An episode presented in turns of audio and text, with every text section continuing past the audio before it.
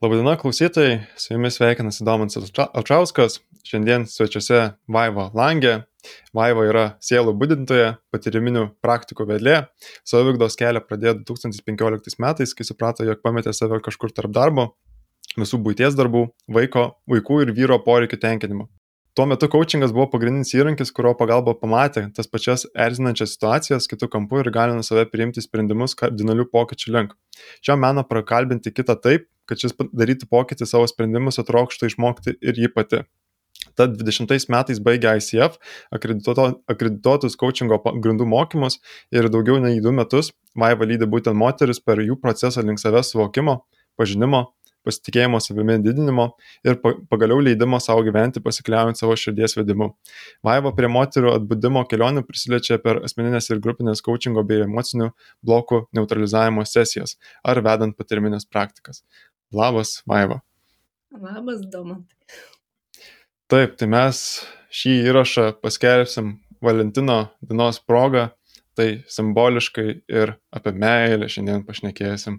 Ir man ši tema yra gan toli nuo manęs, kadangi pats labai struktūrizuotas, daug su, kaip sakykim, ar tai save, save labai stipriai vertinu ir ne, negaliu sakyti, kad kitus vertinu, bet susikuriu tokį atstumą tarp kitų žmonių. Ir būtent man šiandien įdomu pašnekėti su Vaiva, kuri dirba būtent su žymiai šiltesniais dalykais negu veiksmingumas ir tikslų nustatymas. Tai Ir jo, apie meilę šiandien ir santykių coachingą pašnekėsim, ar turi ko pasidalinti prieš jau pradedant visą mūsų klausimų baražą. Mhm. Tai,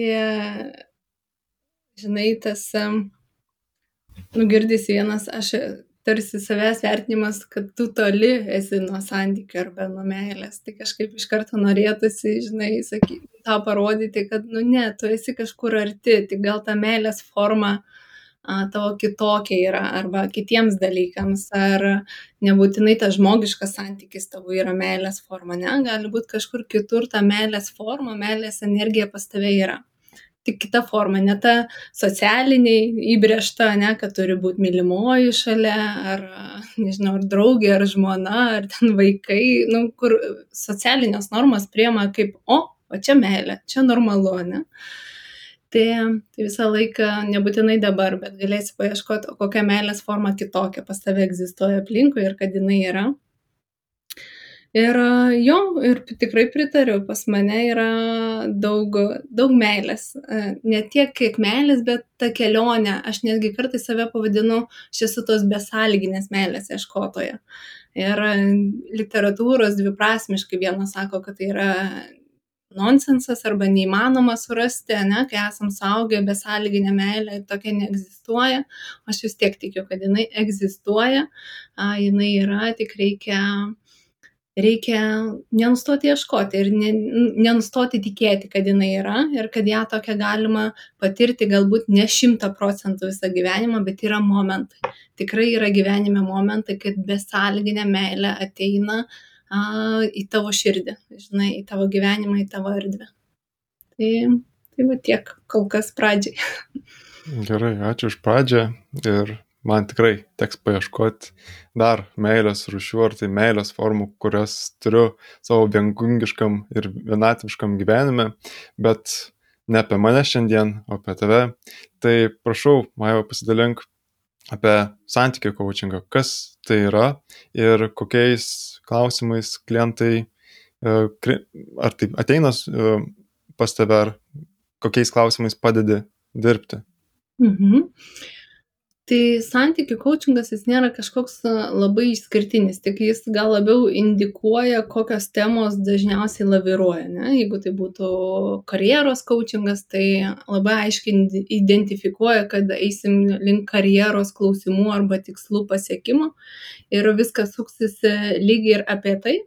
Tai santykių kaučingas yra tiesiog toks žodis kuris identifikuoja galbūt mano potencialiam klientui žmogui kuris ieško atsakymų ir, ir ieško atsakymų būtent savo santykiuose. Tai yra santykiuose su partneriu, galbūt santykiuose su vaikais, santykiuose su tėvais, galų gale santykiai su mm, bendradarbiais e, ir tokių atsiranda užklausų, kad jie nesilipdo santykis tam tikras su bendradarbiais. Tai, tai va tas santykis yra ta niša arba tas rytis, kurią aš pati domiuosi jau daugiau nei septynis metus. Domiuosi dėl to, kad ištiko santykių krizė, įvyko trūkumas mano pačios gyvenime ir ieško buvo stipri paieška atsakymų ir labai stipriai aš intuityviai nėriau į visą literatūrą, į kursus, į literatūrą, į knygas, į seminarus, į podcastus, į e, coachingo sesijas, kuriuose spręsti tos klausimus. Ir taip gimė, nu tiesiog tai apsupo mane, ne? aš tom gyvenau pati savo viduje.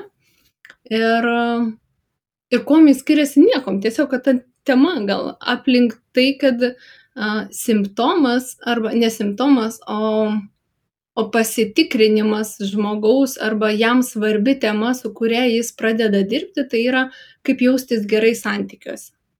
A, ir atsakant į tą klausimą, sakai, kokiom temom ateina, Tai vat būtent kai santykiai pradeda, pradeda klientas jaustis, kad santykiuose mm, nu, nepripildo savęs arba jaučiasi neišpildytas, nepatenkintas, arba kaip ir viskas gerai, bet vat viduj tuščia.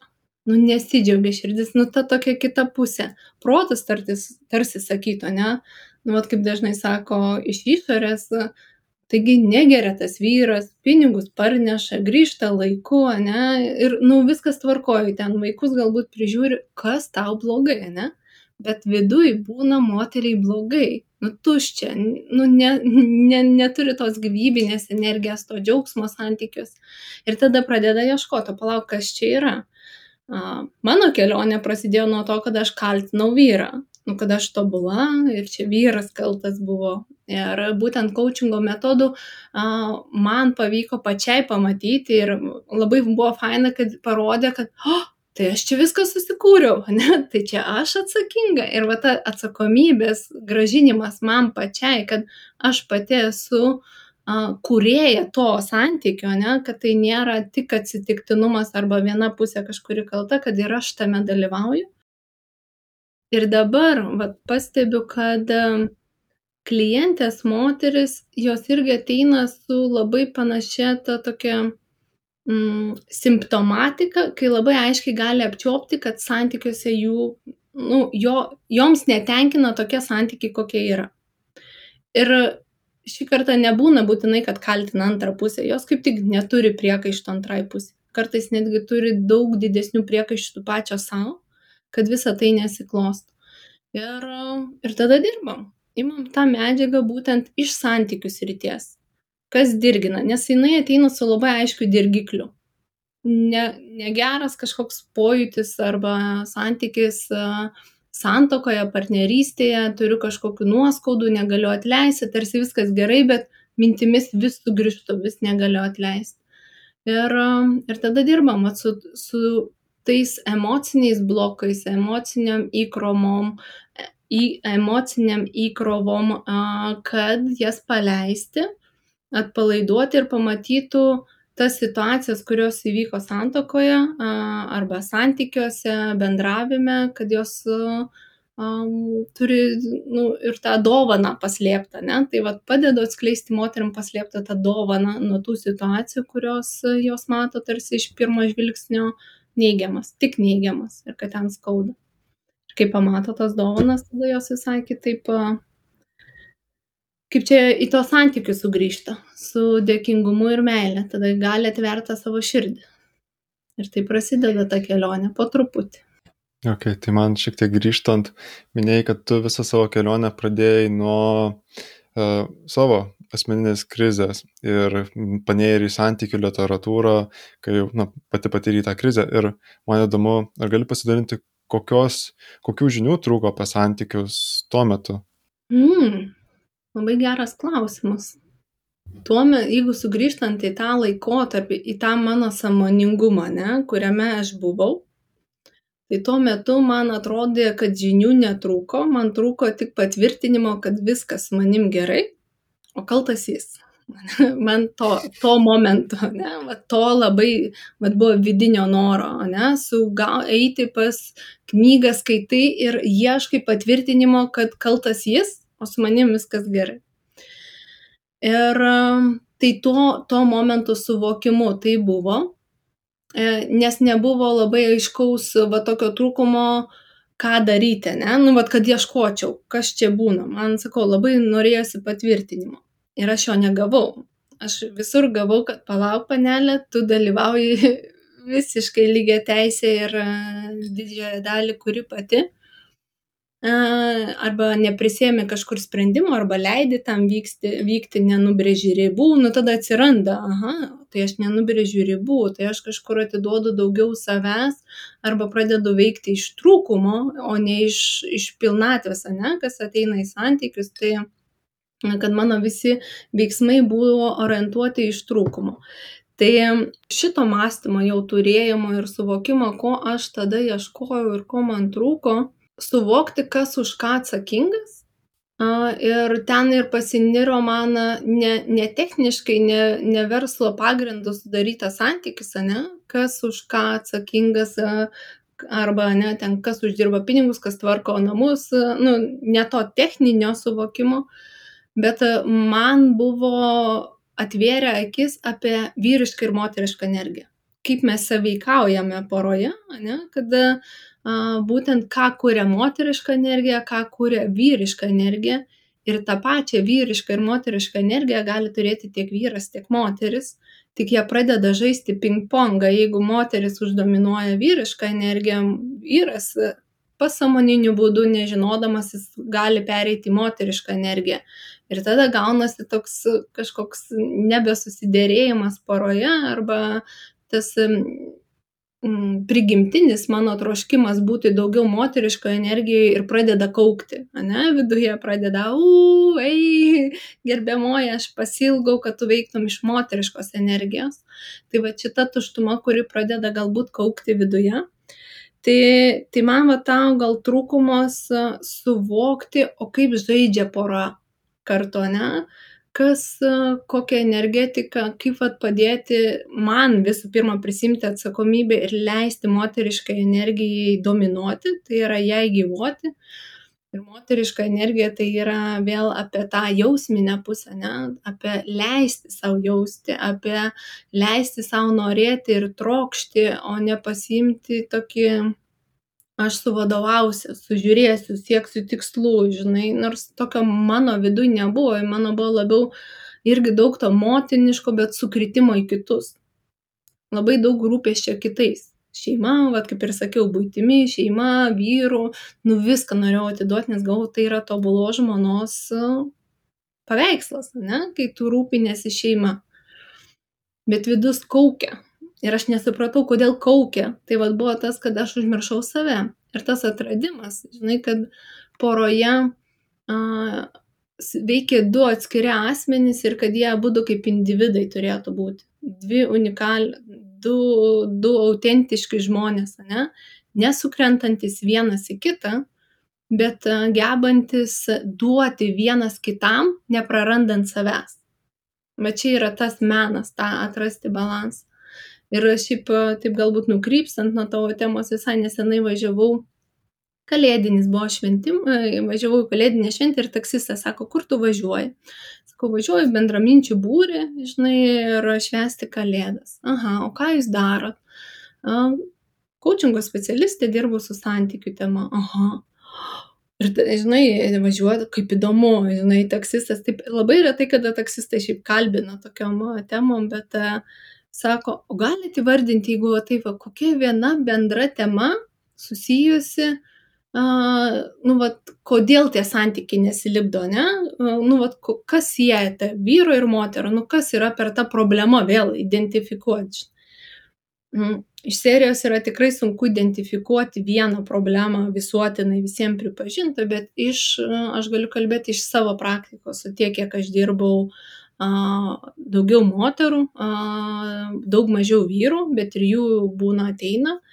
Ir, ir tai ką iš to, ką aš pastebėjau, kai jie praranda save. Tai vienintelė problema ir tai būtų galima, ką aš pastebėjau, kai jie tiek vyras sukrenta į norą pasiekti, nu, vat, duoti moteriai, žmonai, vaikams ir praranda savo tikslą, savo viziją, savo ėjimą, savo kelią, lygiai taip pat kaip moteris. Praranda save, norėdama duoti, nu, vat, būti gera, ne? duoti tarsi iš tokio vaidmens ir tada, vat, mm, arba praranda kažkokį kitą vaidmenį pasiemus. Bet tas va, vienas toks bendras vardiklis yra, kai tiek vienas arba kitas kažkurio metu praranda save. Nu, va tą suvokimą, o kas aš esu ir kur aš noriu eiti, ką aš noriu daryti ir kaip visa tai galėtų dėrėti su mano partnerės, mano šeima ir su mano to vat, kitų irgi gyvenimu, neprarandant savo asmenybės. Ok, daug kas virškint. Tai aš noriu tiesiog pasi, pasitikslinti, ar gerai išgirdau. Tai pirmas dalykas, tai minėjai, kai kokių žinių trūksta, e, kokių žinių trūko apie santykius, tai ir gerai išgirdau, kad pačio tokio supratimo, kad tu irgi esi santykių, santykius kaip turi vaidmenį, kad gali tu savo ribas apibriežti, gali eiti į santykius, kalbėti proaktyviai ir išsakyti savo norus, o ne tai, kad gerai ieškau patvirtinimo, kodėl e, vyras padarė nas, tam tikrus blogus dalykus, kodėl manęs neišklausė ir panašiai. Tai uh, trūko tokio kaip ir supratimo, kad tu irgi dalyvauji santykiuose. Ar šitai gerai supratau? Mhm. Labai gerai, kad um, jo, kad forma, kad galbūt aš, aš suprantu, kad aš esu santykiuose, bet aš nesupratau, ką mano veiksmai įtakoja, ne? arba kaip mano sprendimas tylėti įtakoja. Aš galvoju, kad tai įtakoja tik teigiamą pusę, aš neapkraunu jo savo neigiamom emocijom, bet aš apkraunu save ir jeigu nerandu ne, kažkur šaltinio išsilieti, nu, tai kažkada sproks. O kai sproksta moteris, tai vyrai, kurie, kurie yra tai patyrę, žino, kad nu, jau geriau nebūti prie sprokstančios moters šalia. Tai, tai, tai tikrai yra vėl tų sprogimų turbūt įvairių, bet tiek, tekę girdėti, tai jų būna ir tikrai labai stiprių. Ir ką aš noriu pasakyti, jo, tai aš pritariu tam, kad aš nesuvokiau, kaip mano priimami sprendimai stipriai įtakoja santykius pačius ir kaip jie stipriai, arba kaip, nes aš galvoju, kad tai įtakoja tik mane. Ir neįsivaizdavau, kad mano savijauta vidinė, bet ką aš jaučiu, ne, tą tokį besikaupiančią bombą, kad jinai gali um, kažkaip įtakoti mano vyrą ar vaikus, ne? Ko tas vyras susierzinęs, ko jis nelaimingas. Pasirodo, nu, tiesiog jis jaučia mano viduje, kad aš pulsuoju, uh, nu, tikrai nedžiaugsmu ir nemailę, ne? nes visai kitaip pasitikčiau, jeigu aš būčiau pulsuojanti visai kitą energiją.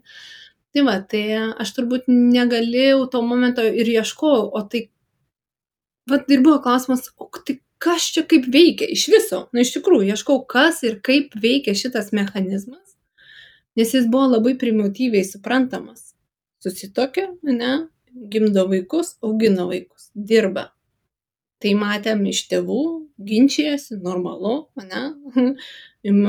tai, tai va to tokio suvokimo labai, pačio pagrindo nebuvo. O kaip įveikia ne tik fiziniam lygmenį poros, ne, tam mentaliniam susitarime, fiziniam lygmenį, e, ten kas miegam kartu, kaip valgom, gaminam, ne, bet ir tam vat, energetiniam, dvasiniam lygmenį, ne, kokią įtaką mano vidinė savijauta turi vyrui. Ir mano vaikams, arba kokią vyro savijautą irgi turi įtaką man, žinai, kaip, kaip aš galiu į jį reaguoti.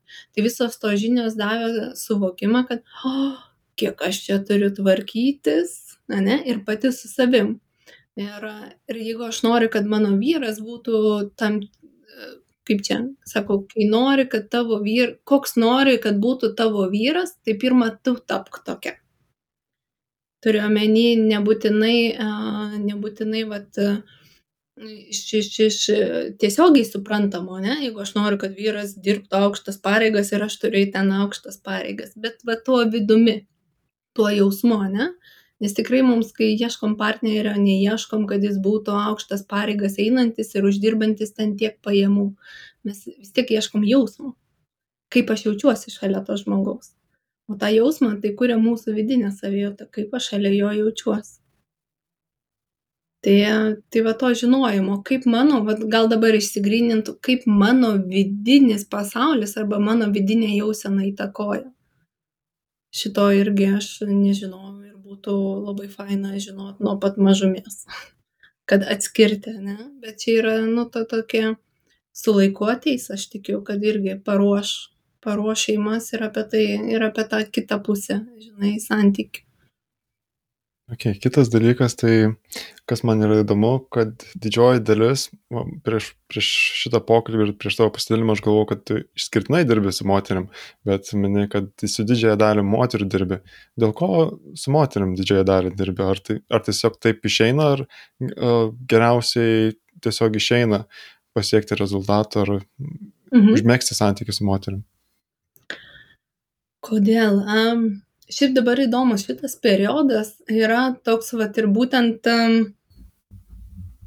transformacinis, kai aš savo veiklą pradedu na, ne tik apriboti, kad dirbu su moterimis, bet praplečiu tą ratą ir sakau, gerai, aš dirbu ir su vyrais, galbūt tai netransliuoju garsiai, nes prieš tai tikrai transliuodavau, kad dirbu su moterimis.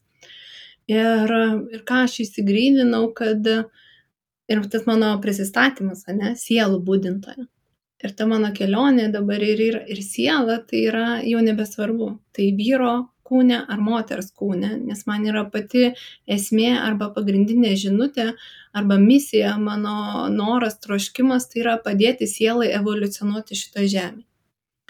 Ir mano kelionė tai prasidėjo nuo moters, nuo dirbimo su moterim ir gal dėl to, kad aš ją galiu, kad aš ją galėjau empatiškai suprasti. Ir man labai lengva, kai jinai ateina su savo situacija, kurią nori nu, nueiti arba nukeliauti, arba kai jinai sako, kad aš negaliu tai nukeliauti, nes nu, negaliu, nu, vat, nėra vidinio resurso, tai man nieko daug nereikia aiškinti ir kaip pavyzdys, aš negaliu leisti savaitgalį išvažiuoti su draugiam.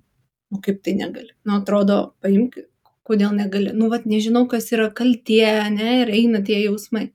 Ir kai man moteris pasako, aš nesakyk daugiau, aš viską žinau, ką reiškia va tas vidinis jausmas, kur viskas konkuliuoja ir pilvas ir krūtinė, kad negaliu, nes per va tam tikrą bloko emocinę, ne, kad aš kažką darau blo blogo arba netinkamo, uh, tai tą jausmą pajausti man empatiškai būdavo labai lengva suprasti.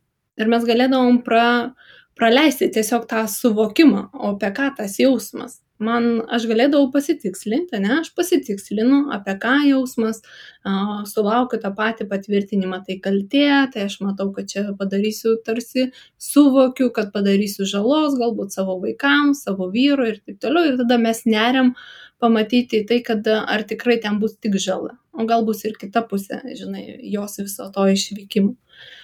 Ir, ir tada atlaisvinam tą, jos įgalinam. Įgalinu arba padedu jai pačiai įsigalinti, priimti sprendimą visai kitokį, nei jinai buvo prieimusi prieš sesiją. Tai moteris vien dėl to, kad man lengva. Nu, kaip čia, lengvas kelias. Aš lengvai, empatiškai galėjau ją suprasti ir, ir ją priimti tokia, kokia esu nes tuo momentu, kai aš pati einu per, ėjau per santykių pačią dilemą, ne, man yra sunku priimti vyrą, kai, kai atrodo, palauk, aš dar savo vyro pilnai ne, negebu priimti, ne, va taip šimto procentų pasakyti, aš priemu tave, koks tu esi. Išlenda dar tų visų kabliuko, ne, kur, kur galbūt dar tu esi labiau kaltas nei aš. Bet e, iš serijos, kuo toliau dirbu aš pati su savim, tuo man yra lengviau visai kitaip ir vyrą priimti. Ir dėl to pradeda vertis visai kitos duris, ne? Palauk, aš jau galiu suprasti ir vyrą. ir kaip jis jaučiasi šituose santykiuose ir kokią kelionę jis gali patirti einant per tokius santykius. Uh, tai ir gal tai atbūdino, kai atėjo toks klientas pas mane. Tai buvo labai įdomi patirtis, nes jis atėjo uh, vyras klientas, kuris būtent ir kalbėjo,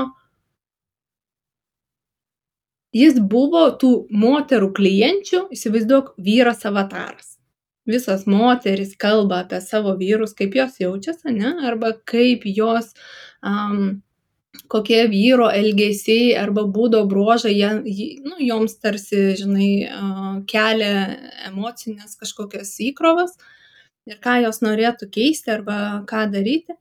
Ir ateina vyras klientas, žinai, kuris sėdi ir aš matau visų moterų avataras. Sėdi ir, o geras, aš dabar galiu išgirsti vyro poziciją kaip jis jaučiasi su tokia moterim, kuri yra mano klientė. Ne, supranti?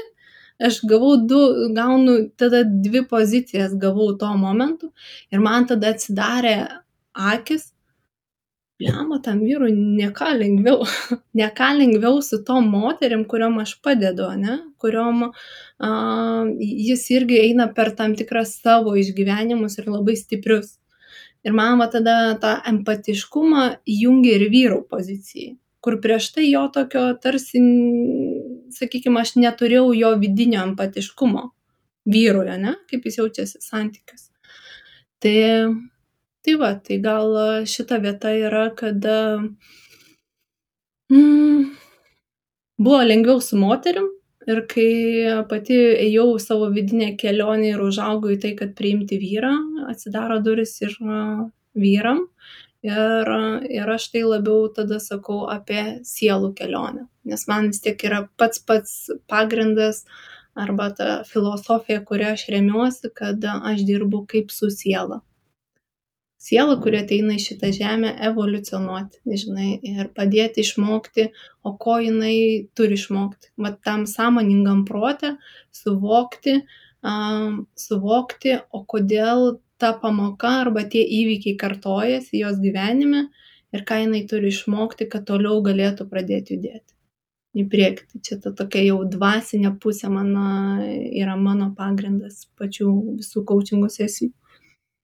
Ir gali plačiau apie tai papasakot, kalbant apie visą tą sielos kelionę, procesą, evoliuciją, kaip, kaip tai vyksta, apie patį procesą daugiau. Mhm. Pats procesas tai yra, tik sakau, mano tikėjimo filosofija, ne? A, tai yra, kai ateina žmogus ir aš matau jį kaip sielą. Ir tai man padeda jį matyti iš tos pusės panaudoti labai aiškiai visas tas pačias um, coachingo kompetencijas, ne? nevertinti, matyti uh, čia ir dabar, uh, įsisamoninti, bet man va tas tiesiog suvokimas, kad jis nėra žmogus tik materija šitoj žemėje, kad jis yra tik tarpinė stotelė šitoje žemėje, ko jis ateina patirti ir išmokti.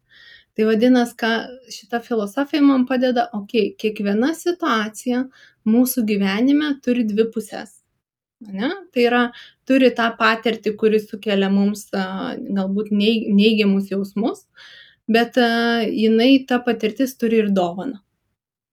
Ir aš vad būtent ta, ir ta dovana arba ta pamoka, va, kai sako, išmok pamokas. Jeigu kartojasi, tai išmok pamokas. Tai aš va tą vadinu tą pamoką dovana. Kas yra supakuota į tą tavo patirtį, žinai, kokios dovanos. Ir tai čia yra mano vidinė, mano vidinė filosofija, su kuria aš ateinu dirbti pas klientą. Nėra, kad aš atsisėdu ir klausiu, žinai, ar tu tiki sielą, ar tu tiki sielo, sielos evoliuciją. Aš subtiliai to perklausiu.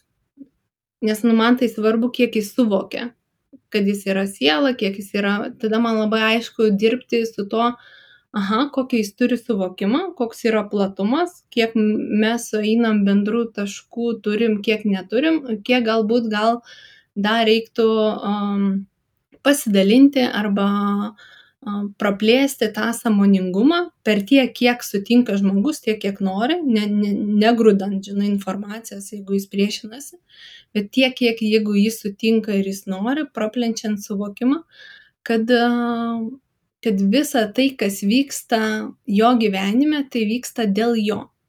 Ne jam, ne, ne dėl to, kad jis dėl kažko kaltas, ne dėl to, kad jis vargšas, ne dėl to, kad jis auka ir nieko negali padaryti, o vyksta dėl jo.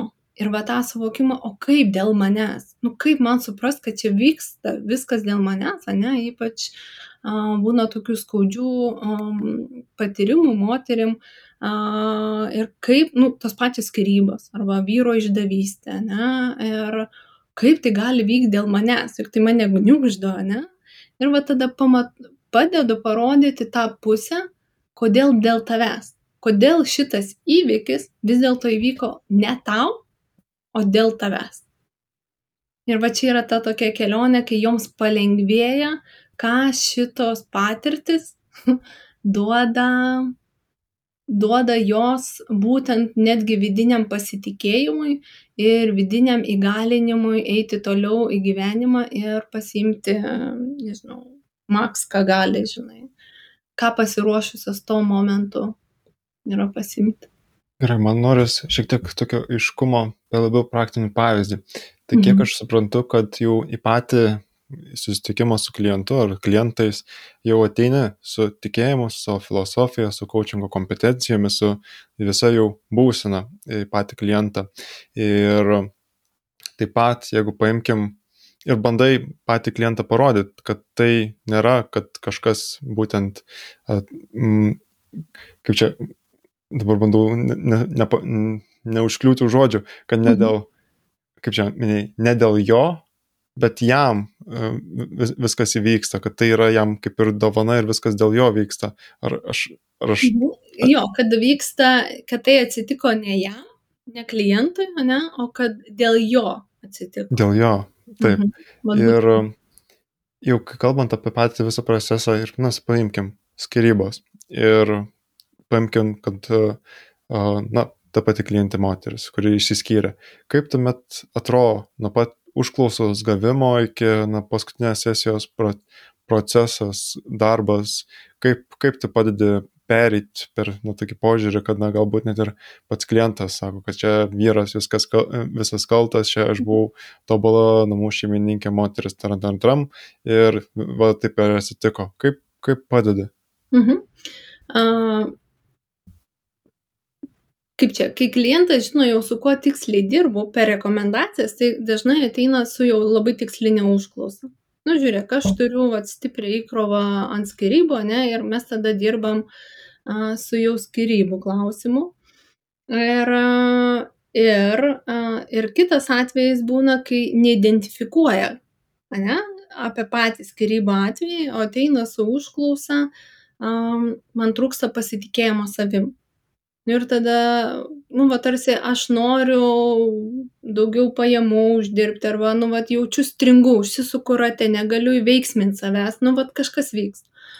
Ir tada uh, perklausom, uh, aha, kur nori nueiti, tai tas tradicinis coachingo palauk, o kur mes eisim viso šitoje kelionėje, nu, iš kur tu suprasi, ne, kas, uh, iš kokių signalų, kriterijų suprasi, kad tu ten jau pasiekai visą tą einam. Uh, Ir tada žiūrim, o kas tau nepavyksta, kodėl nepavyksta nueiti, aš žinai, aš nepasitikiu, aš bijau o, kažko ir išlenda tada, kai vyras paliko, ne, kai įsiskyriau. Ir tada perklaus, o kiek yra stipru vad baime, arba kai tu ne, ką tau padarė. Nes labai yra pirmas dalykas, skirybos jis yra abstraktu. O labai svarbu įsivardinti yra, ką įsivardinam, ką tau padarė vyras dar neaišku, kas inicijuoja. Gali būti ir pati moteris, ne, bet ką šitas veiksmas šito veiksmu tau padarė. Ir tada atsiranda labai įdomi žodžiai. Gali būti atstumė, ne? gali būti pažemino, gali būti paniekino, gali būti nepriėmė. Ir va tie visi žodžiai reikia labai svarbiai, su kuo aš dirbu, identifikuoju labai aišku žodį, o ką skirybos jai padarė. Ne? Ir kai identifikuoji šitą žodį, tai, pavyzdžiui, atstūmė moterį, mane atstūmė, um, bet tuo atveju mane atstūmė, tai yra du keliai, kuriam galim dirbti. Ar yra, kur tu dar jau taisi atstumta gyvenime, ne, pasižiūrėti, ar buvo pasikartojimas a, tavo gyvenime atstumimu ir lygiai tokia, toks pat jausmas. Jeigu tai buvo pirmasis stiprus atstumimas ir pir, pirmoji įkrova, tada dirbam su, su šita aktyviausia įkrova, kuri vadinasi skirybos, mane atstumė. Ir tada klausim, kodėl tau buvo naudinga, kad tave atstumtų. Kodėl tau reikėjo va, šito viso skirybo ir e, momento, kad tau atstumtų. Ir tada e, pradedam ieškoti, o kodėl tau buvo tai naudinga patirti. Ir nu iki tą, nuo to momento, kai tave jau supratai ir vėl reikia visą laiką nueinam į konkretų momentą, iš kurio jinai suvokia, kad atstumė. E, šito, nu, vad kaip aš dirbu, labai einam į konkrečius specifinius momentus, kuriuose ta įkrova įlenda, ne? arba kuriuose momentuose suvokiama, kad tas įvykis įvyko. Ir tada praktiškai ieškome naudos. Ne? Nuo to momento, kai tu suvokiai, kad tave atstumė, kodėl buvo naudinga tada pamat kart ane aš galiu kaip tik nu dėti iš tų pavyzdžių pamato aha aš pradėjau kurti savo verslą. Nu pavyzdžiui inspiravo vidinis ane ėjimas. Aha aš tau įrodysiu kad aš galiu o nu vat vidinė motyvacija įsijungia aš galiu ir viena gyventi ir tu čia manęs ne oi atstūmei nu va toks per pyktį bet atsiranda aha tai aš įkūriau savo verslą žiūrėk, aš pradėjau, suartėjau su, su, su galbūt ten mama ar tėčiu, su kuriuo buvo nutolę santykiai, aš pradėjau domėtis saviugdą, aš pradėjau domėtis kažkokiam vat, praktikom, kurios man padėjo. Ir tai visą kelionę, kai pradeda matyti, kur nuvedė tas atstumimas, arba, pažiūrėjau, pradėjau vairuoti mašiną, niekada nevairuodavau, bet per tai, kad mane atstumė, mane įgalino pradėti mokintis vairuoti mašiną. Ne? Ir pam, kai pamatė šitas vienas veiksmas atstumimas, kiek įgalino jos taškų, kuriuos jį pati sąmoningai negalėjo, būdama santykiuose, savo suteikti galios ir padaryti. Nes, nu, patogu buvo vat, būti taip, kaip yra. Ir va tada, kai pamato moteris, kad visas tas įvykis jis neturėjo tik žalos, tai yra tik ją įskaudinti, atstumti, ten sumenkinti ir taip toliau, bet pamato, kad jinai visame tame um, situacijoje ir gavo dovanas, tai yra įgalino save uh, kurti verslą, ne, suprasti labiau save, daugiau laiko savo skirti, atstatyti, suvokti, ko jinai nori gyvenime ir taip toliau, tai eina dėkingumas. Ne, nes tuo sąmoningumu, kuriuo jinai buvo santokoje, jinai to negalėjo pasiekti. Nu, vat jai reikėjo to spyrio, stipraus spyrio, nes čia ir įvyksta tie įvykiai tada, kai mes sąmoningai savo to negalim leisti. Tada prasideda, um, tada įvyksta tam tikri įvykiai, kurie nori, nenori, mes iš pykčio, iš nuoskaudų to pradedam veikti. Ir va tą va yra svarbu pamatyti, o ką mes padarom ką mes nuo to įvykio dėl savęs ir sau padarom ir kaip tai tarnauja mūsų aukščiausiam vertybėm.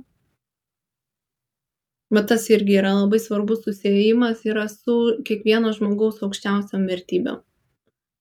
Kas, kas, kas, kas pas mane irgi sesijose, jeigu mes pasirašom ilgalaikį bendradarbiavimą, aukščiausių vertybių nusistatymo sesija pirmoji turėtų būti, nes dažniausiai visas darbas su kuriuo vedu, tai yra pasižiūrėk, o kaip tavo aukščiausias vertybės buvo, nu, vat kaip jos žaidė, ne, arba kaip šitie įvykiai buvo svarbus tavo aukščiausiam vertybėm.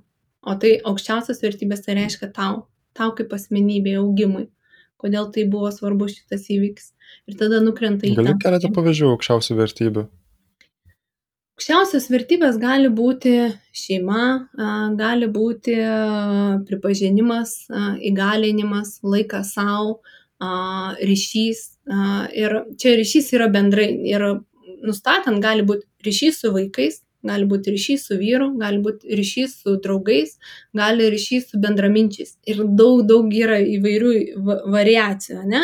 Pats žmogus juos įvardina. Tai nėra, kad yra sąrašas ir išsirenka žmogus, pats žmogus įsivardina per savo veiksmus, taip kaip jis dabar gyvena, kas yra jam svarbu ir kodėl jis, kodėl jis taip būtent dabar gyvena. Ir šitas metodas, kuriuo dirbu, tai jis yra Demartini metodas pateikti klausimai, pagal kurį atsakant tiesiog galima mm, galima įsivertinti savo aukščiausias vertybės. Tai, tai va, tai tokios ir, ir vat, kaip pats Demartinis sako, ir iš tikrųjų gal paantrinsiu iš tiek, kiek nustatinėjau, nėra vienodų vertybių.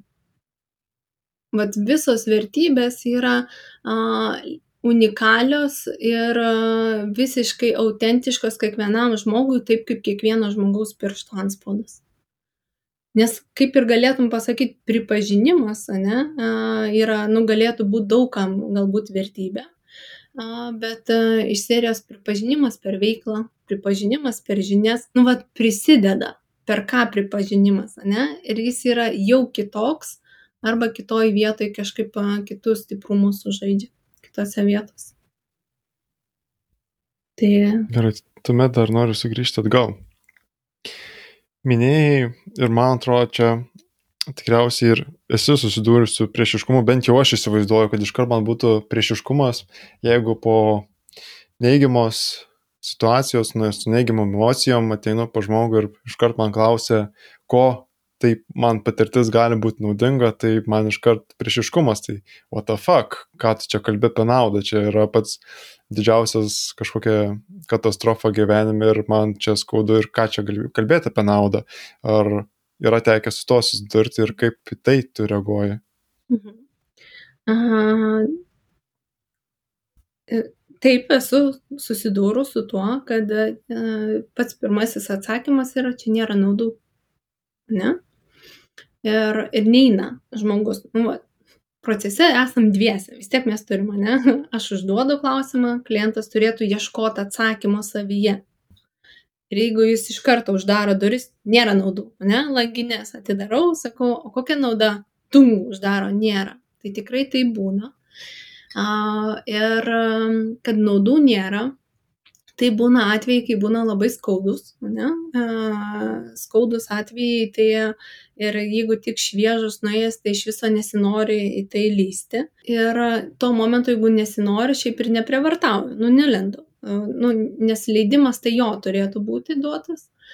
Bet ką aš darau šituo atveju, tai paklausiu, o jeigu tu to ir nepaleisi, jeigu tu ir toliau laikysi, ne, va tą skausmą viduje, kokia tai bus tau žala, nu toliau su tuo gyventi.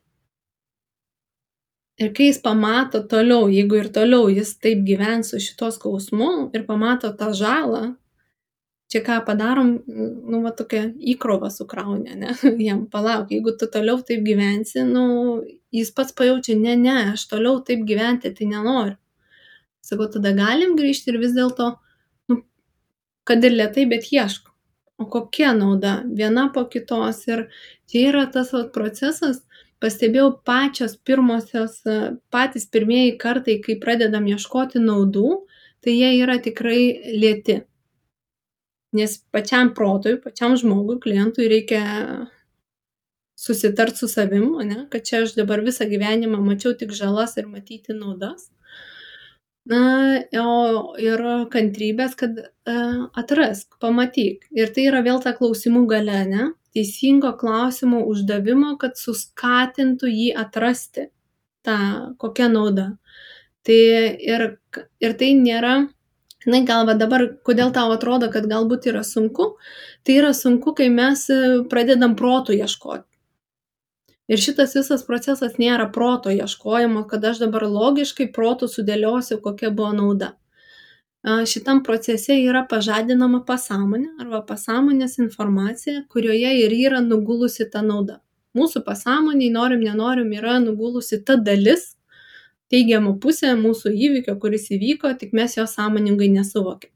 Tai ma mano užduotis yra iš pasąmoninės a būsenos ištraukti į sąmoningumą ir suprasti va, kur tau buvo nauda. O kad tą sužadinti, tai mes grįžtam į konkretų momentą. Tiesiog kiekvieną kartą paprašau, kad sugrįžtų į tą momentą, kuriame įvyko įvykis.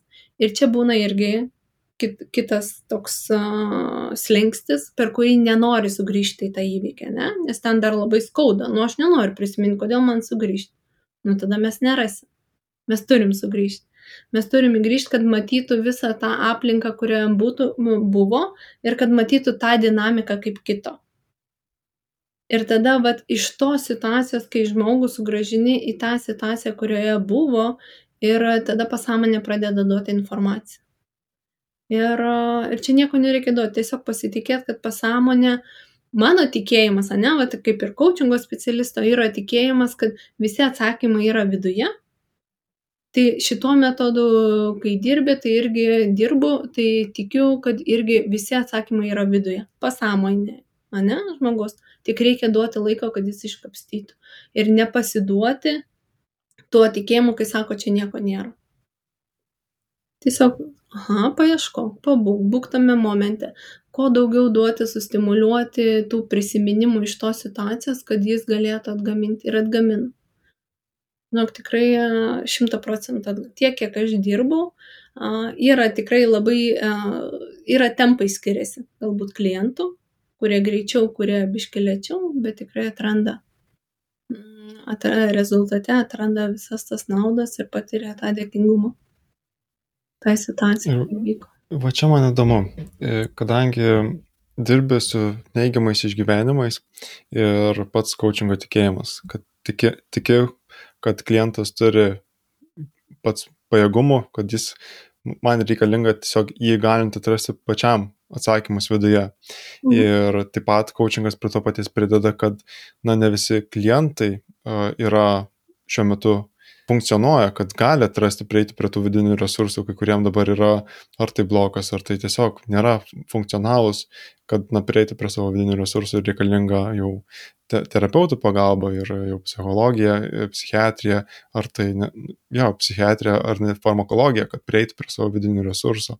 Ir dirbant prie tokių neigiamų išgyvenimų, kaip, kaip žinai, kad uh, nedarai žalos klientam, ar tai jo, kaip, kaip žinai, kad nedarai žalos su klausimais ir bandymu atrasti naudas? Kadangi atsakym, visas metodas, jis yra, arba taip kaip dirbu, jis yra viskas pagrista klausimo, klausimo principu. Pats metodo galbūt išradėjas, ne, daktaras Džonas Damartini, patikinęs, ne, kad tas metodas nežaloja žmonių, nu, jeigu jį teisingai naudos ne, e, turbūt e, šita prasme, bet e, patikina, kad visada yra pats galutinis rezultatas, kurio siekiama, tai yra atvira širdis ir dėkingumas. Ir šitą jausmą, kai atrandi pas klientą arba padedi klientui patirti tą jausmą, dėkingumą situacijom, tai pats galutinis rezultatas iš su kuriuo aš išleidžiu po sesijos, jis yra su dėkingumu tai situacijai, kad įvyko. Tai tau toks klausimas atgal, ar dėkingumas gali žaloti? Man iškart galvojant, kaip prie to dėkingumo prieinama ir mhm. kada jau tas dėkingumas yra. Nes taip pat pasidomėjau irgi e, demartiniu metodu, bent jau apie patį autorių, tai jo, jis yra daktaras, bet chiropraktijos, tai yra alternatyviosios medicinos arba mhm. alternatyvaus mokslo. Ir pats toksai kaip ir metodas, man tai pilnai neužtikrina, kad tai, kaip čia, ar tai psichologų, psichoterapeutų, ar net psichiatrų patvirtintas, kad negali žaloti. Tai man tai toksai labai slidi riba. Aš ne, ne, neturiu tiesiog kompetencijų pasakyti, ar gali klausimai nedaryti žalos. Man mhm. atrodo, kad gali pats santykis, ar nu tiesiog žmogus nebūti pasiruošęs tam tikrus klausimus lysti ir jam reikalingi kitoks santykis, kita pagalba. Ir mhm. kaip prie to dėkingumo prieiti, man atrodo, kad gali būti na, sudėtinga. Ir, ir, ir jo, aš manau, bet, iš savęs dėkingumas negali žaloti, bet kaip iki jo daeinama, tai čia, tai čia man, man kyla klausimas. Mhm. Taip pat Demartini tas metodas, jis yra uh, kaip čia ta jau kulminacija apie jau beveik daugiau nei penkis dešimtmečius vykusių tyrimų, ne? Jis nuolat tyrinėjo, tyrinėjo ir tyrinėjo tą patį dėkingumą, žmogaus elgseną, mąstymą ir, ir viso to tyrinėjimo, va, ta kulminacija, kaip jis ir vadina, yra jo šitas metodas. Ir jis apima ir filosofiją, ir, teolo, ir nu, va, teologiją, ir fiziką, ir metafiziką, ir, ir tą psichologiją, įvairių tų disciplinų jis apima visumą, ne? Tai nėra, kad kažkuriai disciplinos vienos paimta dalis yra um, ir, ir adaptuota, tai jis apima visumą. Ir aš tie klausimai jie yra standartizuoti ane a yra šito metodas na žinai kažkaip nesinori labai eit į pačią metodiko principą bet e, atsakant tada į klausimą iš kur aš žinau kad nežaloju tai nu aš jaučiu sesijoj. Nu aš jaučiu kad jis išeina su palengvėjimu klientas išeina su palengvėjimu. Ir ir bet kokia žinai kaučingo sesija tai turbūt priklauso nuo kiekvieno specialisto kompetencijos. Tu tikrai ir kaučingo sesijoj gali ateiti ir paprastą klausimą paklaust tu gal debilas atsiprašant ane? Tai jis gali tikrai sužaloti kokiu tonu aš paklausiu ane? A kokį vertinimą pridėsiu ir man čia nereikės o dabar šitas klausimas ar tu debilas patvirtintas psichiatro ar ne ar aš galiu klausti ar ne. Nu ir tai nereiškia kad aš jo galiu klausti arba negaliu klausti ane nu tai yra jau mano individualus tas santykis. Aš galiu išorėj deklaruoti vienaip ane bet viduje sesijose pagal mano profesionalumą ir kompetencijas aš galiu klausti tam tikrus klausimus kurie žalos žmogų ir galiu klausti kurie nežaloja žmogų ane kaip aš tarp to laviruosiu ir kaip tai panaudosiu. Tai aš galiu atsakyti už tai kaip aš dirbu ane ir taip kaip man pavyksta įvaldyti šitą metodą ir kaip juo pasinaudoti tai aš gaunu atsiliepimus kad aš nežaloju kad žmonės pagaliau įkvepia oro kad pagaliau pradeda matyti šviesas savo gyvenimo pama pradeda matyti kitą pusę pakeičia rakursą matymo ane nebeužstringa mintyse a tose pačiose situacijose ir atsiranda erdvės kūrybai atsiranda erdvės kažką naujo įnešti į savo gyvenimą. Tai tie gal aš taip pasakysiu žmonių atliepimai klientų atliepimai taip kaip jie jaučiasi po sesijų ir matant jų progresą einant link ten kur jie nori tai man parodo kad tai nežaloja. Ir šitas metodas jis nėra nėra skirtas tik psichologam psichoterapeutam jis yra skirtas pats ir kaučingo specialistam ir ir net ir mokytojai gali naudoti ir psichologai psichiatrai kam jis dar ten visi tie kurie dirba su žmogiškuoju ištekliu tai yra su žmogiškuoju mąstymu ane su žmogiškuoju a žmogiškojo potencialo auginimu visi tie žmonės net ir holistiniai gydytojai jie visa tai gali naudoti. Ir tai nėra apribojama tai tai tiesiog žinai kai a aš žinau tą metodą aš juo pasitikiu a aš pati patyriau visų pirma gal aš pati patyriau jo naudą sprendžiant savo problemas a ir kai patiri tą naudą nu tą išlaisvėjimą labai norisi duoti nu labai nebesinori laikyti to įrankio aš daug ką sakau ir kaučingo specialistai bet kurių a tų asmens auginimo trenerių ar bet nu kas prisiliečia prie žmogaus auginimo arba psichologinio kažkokio gerbūvio tai visų žmonių o yra nu negali užlaikyti tai savyje ane kad e, kitam nepadėti. Nu, jeigu aš žinau, kad tai padėjo man, galbūt tai nebūtinai padės visiems, aš nesakau, kad čia yra metodas vienintelis geriausias ir daugiau niekur. Tai yra metodas, kuris padėjo man, kuriuo aš tikiu, ne, turbūt mes visi dirbam su metodais, visų pirma tais, kuriais mes patys tikim.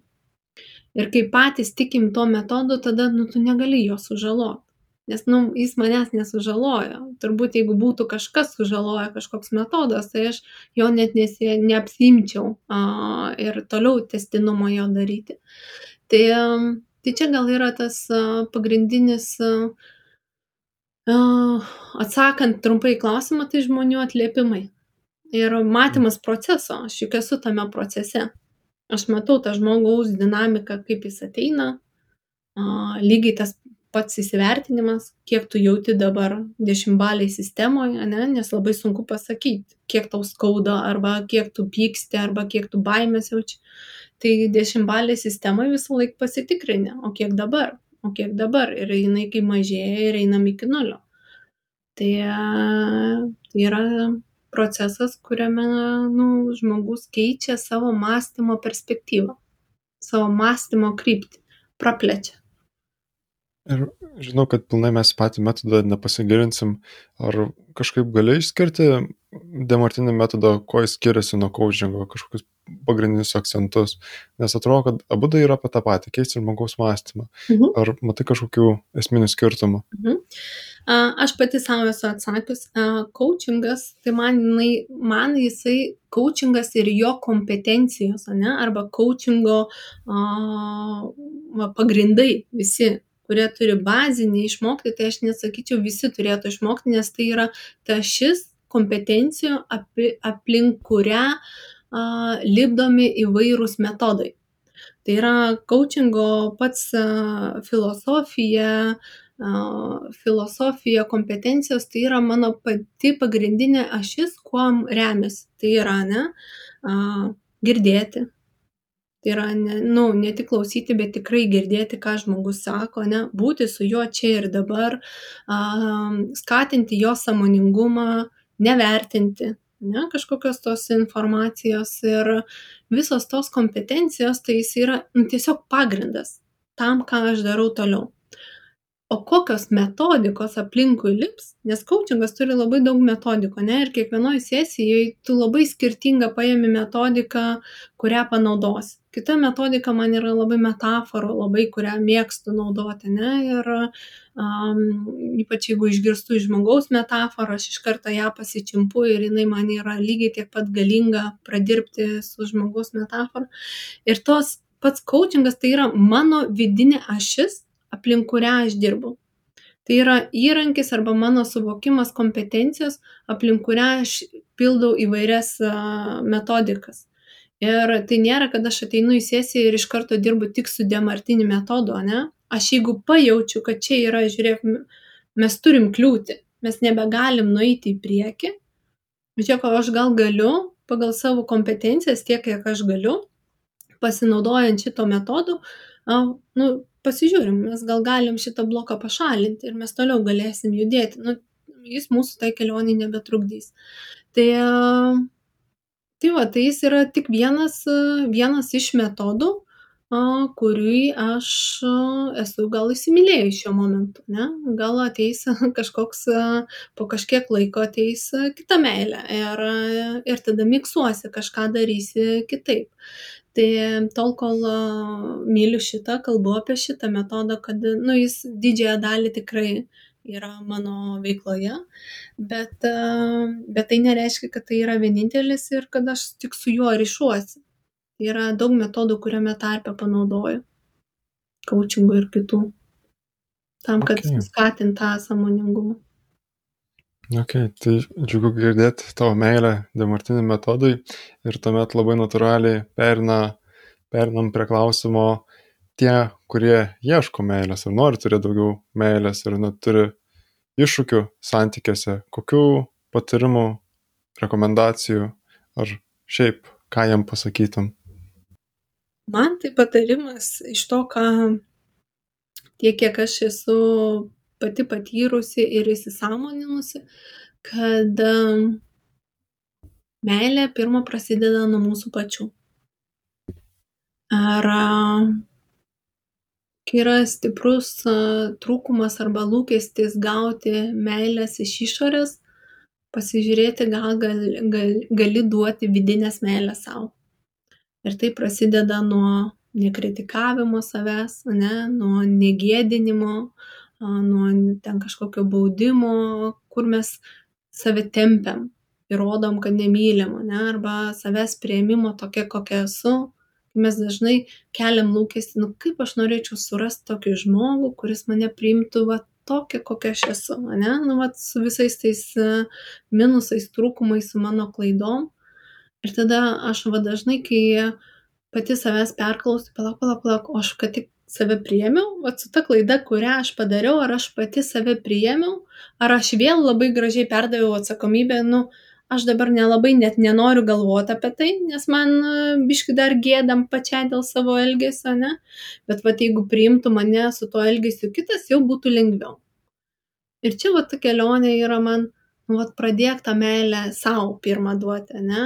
Pradėk pastebėti, kuriuose vietose ne tai, kad e, nemyli, bet baudi save arba nu, nepriimi tų vietų ir pradėti mylėti tas vietas. Nu taip, aš suklydau šiandien, nu taip vyko, nu ir va ta, kad ta meilė prasidėtų nuo mūsų, nuo mūsų vidaus, nuo mūsų pačių savo ir ne apie egoizmą, o tiesiog apie žinai kaip aš e, visai nesenai e, klientei vienai pasakiau irgi, kaip sako, negalima duoti patarimo, bet tokį e, retorinį klausimą uždaviau. Nu, jeigu tu pati negali savęs priimti tokios, kokios esu, esi, ne, vat su tokiu mm, savo būdo bruožo arba elgesi, žinai, kodėl tave turi priimti tavo vyras? Kodėl? kodėl turi kažkas kitas dėti labiau pastangų, nei tu pati dėdės dėl savęs.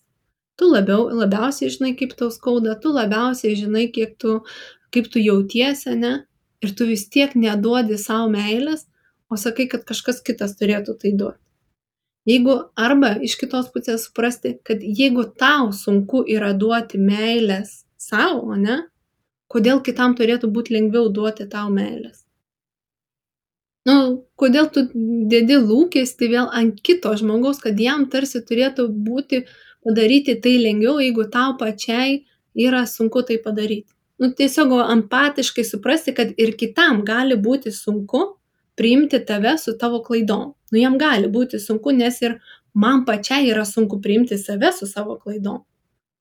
Ir va tą tokį suvokimą žinai vat labai aiškiai aš pavyzdžiui neatradau atsakymų kodėl kitam turėtų būt lengviau priimti mane, nei man pačiai. Tai va tame ir tyrinėjo, ne, apie tą pačią besąlyginę meilę pirmą savo. Nu, priimti save su viskuo ir uh, su tuo, kokia aš esu šiandien. Tai nereiškia priimti ir nieko nekeisti, bet šiandien priimti save tokią, kokia esu ir leisti tam būti ir tada vėl žiūrėti, ką aš noriu galbūt keisti ir daryti bet toj vietoj kai padarau klaidą netempti save dar į apačią žinai. Ar gali pasidalinti keletą pavyzdžių ar sričių kur tau yra iššūkių priimti save?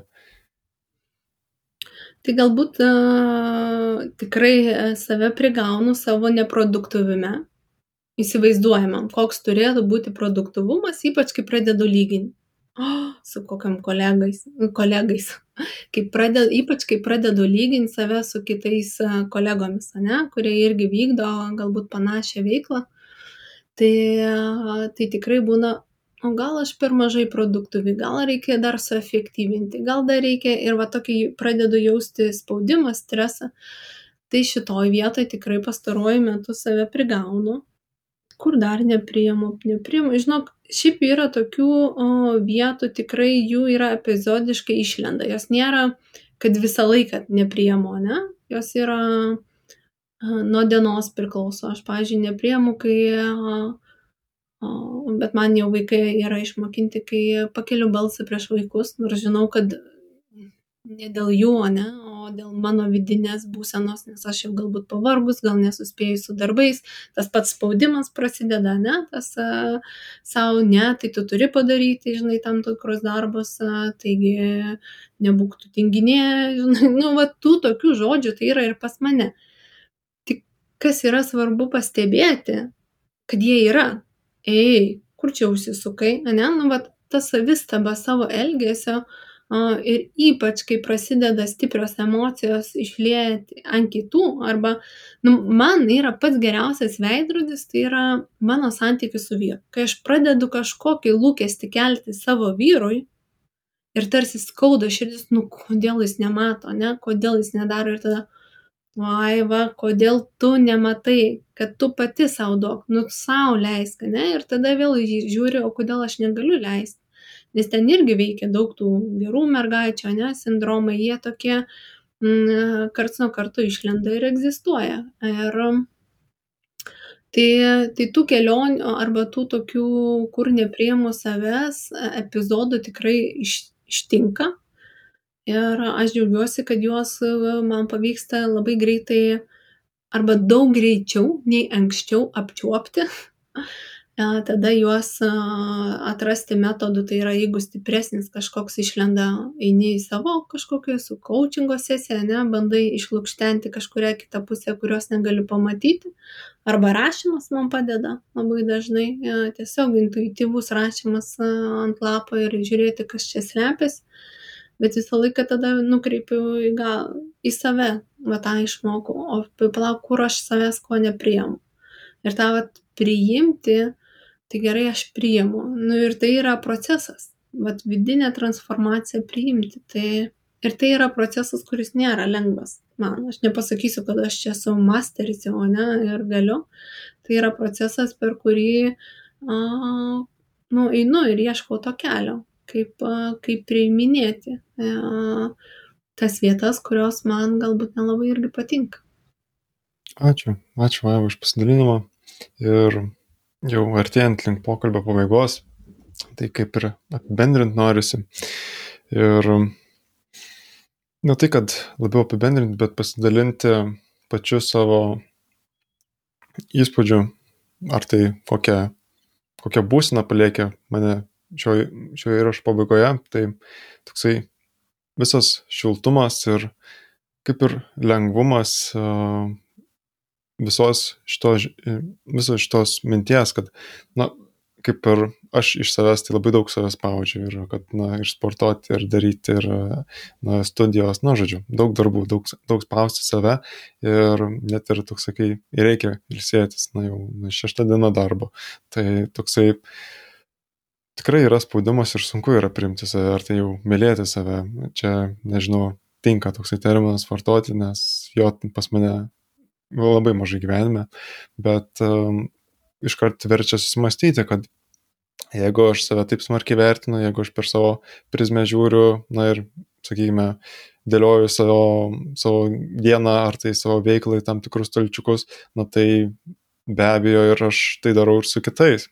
Ir aiškiai ir atsiliepiu ir su draugais, ar tai tiesiog su kitais, ne tai kad kolegomis, bet žmonėmis, kurie seku ir bendrų darbų turime, tai kai kažkas irgi mažiau, na, ne taip, kad atitinka į savo stalčiukus, ar tai ten, sakykime, multitaskina, kai dirba, kai visai jau nebesportuoja ir tenai šlamštą valgo, tai, tai, tai, tai man iš karto toksai natūralus atstumas susikuria, kad va, čia turėtum taip daryti ir, ir, ir, ir kažkaip jau žiūriu iš, iš kalno į, į žmonės. Tai beklausant tavęs, tai tokia, na, pirmiausia, tai koks ir tavo patarimas yra, kad pirmiausia, mylėk save, nes niekas kitas, na, pirmiausia, neturi mylėti tavęs, bet e, niekas kitas, na, ne, gali nesirinkti tavęs mylėti, jeigu tu pats savęs nemyli. Tai tokia kaip ir esminė žinutė išsiemu iš, save, iš, iš, iš, klau, iš klausimo tavęs, kad sustok, jeigu kažkas nesigauna, ar tai kažkas sunkiai einasi, na tai sustok, priimk ir jeigu tai kažkas, kas tau netinka, na būk praktikus pakeisk, o jeigu nieko nenori keisti, na tiesiog taip atsitiko, na tai priimk, būk savo lengvesnis. Jo, tai jau link pač, pačios pabaigos ar dar turi kažkokių minčių, kurias nori pasidalinti ar pakviesti klientus, ar ne klientus, klausytojus. Mhm. Aš tai norėčiau vat tą ir filosofiją savo ane galbūt priminti kiekvienam klausytojui klausytojui ir klausytojai ane visiem a ir kad pažvelgti į save į tą gilesnę prasmę, ne, į tą vat kaip sielos kelionę, į savo, į kurią mes ateinam į šitą žemę, kad šitą žemę mes ateinam išmokti patirti, susirinkti patirtis ir toliau vėl keliauti ir evoliucionuoti ten į visus kitus gyvenimus. Nebūtina tuo tikėti, ne ten galbūt kitais gyvenimais ir taip toliau, bet, bet va tą pajausti, ta tuštuma, kuri galbūt kaukia viduje, ne, galbūt tai tavo siela kaukia. Ir vad galbūt šiek tiek pradėti praplėsti tą a, matymą, o ko gali reikėti sielai, ne, o kom siela maitinasi, o kom siela kvepuoja, o ką siela įkvepia. Jeigu vat pajausi tą vidinę tuštumą, žinai, va tokį išgirskite, gal rimtai ten kaukia jūsų siela, kuri labai labai prašo būti um, apkabinta, pamilėta, pripažinta, išleista, nes ar norit to tikėt, ar nenorit, nu tai yra. Ne, tai yra, a, tai yra, nežinau, dabar negalėčiau pasakyti, ar mokslo įrodyta tos sielos, bet jos yra, jos egzistuoja, ne, tikit ar netikit, tai egzistuoja. Ir galbūt tas kaukimas yra jūsų sielos, žinai, jūsų sielos kaukimas. Tai tai tiesiog ir pradėt tą kelionę žinai pripažįstant savo visas dalis priimant visas savo dalis tai čia va ta tokia žinutė kad kai ir sau visą laiką užduoti klausimą kodėl kitam turėtų būti lengviau ane kažką dėl manęs daryti jeigu man pačiai yra dėl savęs tai sunku padaryti ir viskas to tokio empatiškumo pirma sau pirma to dėmesio sau, nebijant, kad mes sueisim į kažkokį egoizmą. Tai yra pamatyti tai, kad pildote save. Va tokiu būdu pripildote save visas tas vietas, kurios a, galbūt buvo nepripildytos arba tuščios nuo vaikystės, arba kažkur išbarstytos, ne? Tai va tas vietas, ta atsakomybė tiesiog pripildyti pačiam. Jeigu matai, kad tai tuščia, tai kodėl kitam turėtų būti rūpėt tavo tuščias indas tai tu pats ir prisipildyk jeigu tavo lėkštė tuščia kodėl kitas turėtų atsistot ir tau įdėt jeigu tu pats negali pakelt šiknos ir įdėt ne nu tai eik ir įsidėk kitas gali įdėti ane tai jis nereiškia kad tau neįdės bet visą laiką man vat to tokio kad viskas prasideda nuo mūsų pačių. Ir visa šita mūsų kelionė yra a, apie mus pačius ir, ir dėl mūsų. Na, tai va tą um, pajausti, pamatyti ir, ir pradėti, pradėti pirmą pripildžius save, tada labai labai lengvai duodasi ir aplink, ir kitiems. Ir tada dar gaunam iš kitų. Žinai, kaip labai fainai pasakė, Žemėje yra vienintelė užduotis yra kiekvienam žmogui padaryti laimingą pačią save, patį save. Ir jeigu mes kiekvienas darysim laimingi, laimingus pačius savim, nu save, ne, tai įsivaizduok, kiek daug laimingų žmonių žemėje bus. Bet kažkaip mes išsiskaidom į, į, kitas, į kitus dėmesius ir energijas. Ir, nu, tebūnė ir taip tegu būna. Bet tie, kas suvokia, tai aš tas, kas pajutė arba sukirbėjo ta mintis, tai siūlau paieškoti. Yra tikrai dabar daug prieinamos informacijos įvairių būdų, kaip pripildyti tuos tuščius indus viduje. Ir man atrodo dėl to, kad tiek daug informacijos yra, ar tai čia hedonistiškai gyvenk paskutinę dieną, ar tai užsidirbk milijonus ir būsi laimingas, kad tiek daug kelių yra, kad na, pasimatoma, kaip to bliudelį pildyti, ar net ir pradedama pilti iš to bliudelio tai nors ir psichologija yra mokslas apie sielą, na bent jau terminas, bet sielos mokslė jau visai nebeliko, tai toksai kaip ir čia jau grinai filosofinis, filosofinės grinai paieškos yra, jeigu kalbant apie dvasinę ir tai sielos pripildymą, ar tai apie pačią tą jeigu jau labiau moksliškai kalbant, savirealizacija, ar tai trans, transcendentinė, tra, transpersonalinė patirtį, tai, na tai, tai kiekvienas iš mūsų ieško savais būdais, tai nenoriu, kad ir būtų toksai kaip ir labai, mm, kaip čia griežtas pasakymas, kad, na, pakelk šikną ir prisipildyk savo dubenį, na, kartais reikia kitų pagalbos ir palaikymų, vis tiek mes mhm. esame socialinės būtybės ir bet ne, nepal, nepaliekant tos minties, kad, na, tu vis tiek galų galiausiai esi atsakingas už save, kad tu esi atsakingas už savo laimę, nors kiti gali padėti pripildyti tavo dubinėlį, bet, na, tu vis tiek laikysi jį savo rankose. Tai, mhm. Tai, tai va čia, aš gal atsiprašau, kad pertraukiu, bet apie tai ir yra, tai nėra apie neprašyk pagalbos, o ne, tu esi vienas, tai ir yra atsakomybė žiūrėk, mano lėkštė tuščia, bet aš neturiu nei daržovių, nei grikių. Ir tu gali dabar duoti pamaitinti, ne, nu kažkiek, arba padėti, a, kur galima rasti, gal yra kažkur daržas netoli, ne. Bet klausimą tai kelti pačiam, žiūrėk, mano lėkštė tuščia, aš noriu valgyti. Ir jo, tai priklausys, kur tu naisi pagalbos. Naisi kažkur prie bažnyčios atsistosi, tau įdės jau tą įrankį, bet tai reiškia, tu gausi tik, tik, tik, tik maistą, ne tam kartui, trumpalaikis pasisotins. Bet gali nueiti pas kažkokį specialistą, kuris sakys, aš tau duodu sieklą, ne, žiūrėk, kartais duos sieklą, kartais net nesieklą, pasakys, žinai, ten už kampo yra parduotuvė, ir tau reiktų nueiti nusipirkti sėklų, ten dar už kito kampo yra daržas, e, gali ieškoti, nu, padėti galbūt nukreipti, ne, arba tau padėti surasti pačiam, kur daržas, kur parduotuvė, ką gali nusipirkti, ką tu nori pasisėti, ką tu nori auginti ir įgalinti tave tam veiksmui, kad ta lėkštė būtų visada pilna. Nu, ne tik, ne tik tam momentui. Bet ir čia yra ta atsakomybė apie nu vat suvokimą, kad ta kelionė, kur tu eini ir prašai pagalbos, tai yra irgi dėl tavęs. Nu, tai čia yra labai stipraus žmogaus pasakymas, žiūrėk, mano tuščia ir aš negebu dabar, nu, neturiu resurso, kaip prisipildyti.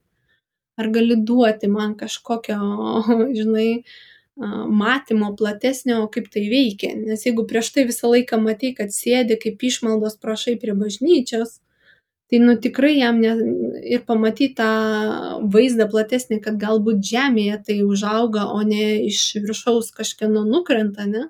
Tai yra, nu, va, svarbus tas matymo, pama, nu, pamatymo praplėtimas, ne, samoningumo praplėtimas arba suvokimo praplėtimas, kaip visa tai į tą indą ateina, kaip kokiais būdais gali ateiti. Ir dar atliepiant į tą momentą, kai sakai, uždirb milijoną ir būsi laimingas, tai uždirb milijoną gali būti pripildytas vienas milijono, ne, finansinės energijos, ne, finansinių išteklių indas. Bet visi kiti indai gali būti tušti. Ir nu tada vėl ir pasižiūrėti, ar gal tų indų nėra, gal ten yra tik finansinis indas, ne, o gal yra ir tie kiti tušti, kurie kaukia tai nėra vieno taisyklės, žinai, vienos tokios taisyklės yra labai kiekvieno individuo skirtinga kelionė, tai aš į tai ir kviečiu.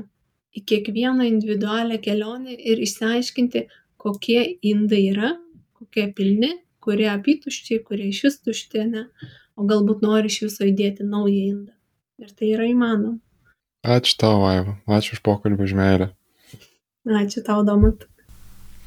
Ačiū, kad skyrėt laiko klausimui. Jeigu norite paremti podcastą ir padėti jam gyvoti, tai galite paremti Contribui platformoje. Sužinoti daugiau apie mano vykdomą veiklą ar coachingą galite mano svetainėje alčauskas.lt. Ir tikiuosi, kad šis įrašas buvo naudingas ir sakau iki kito karto.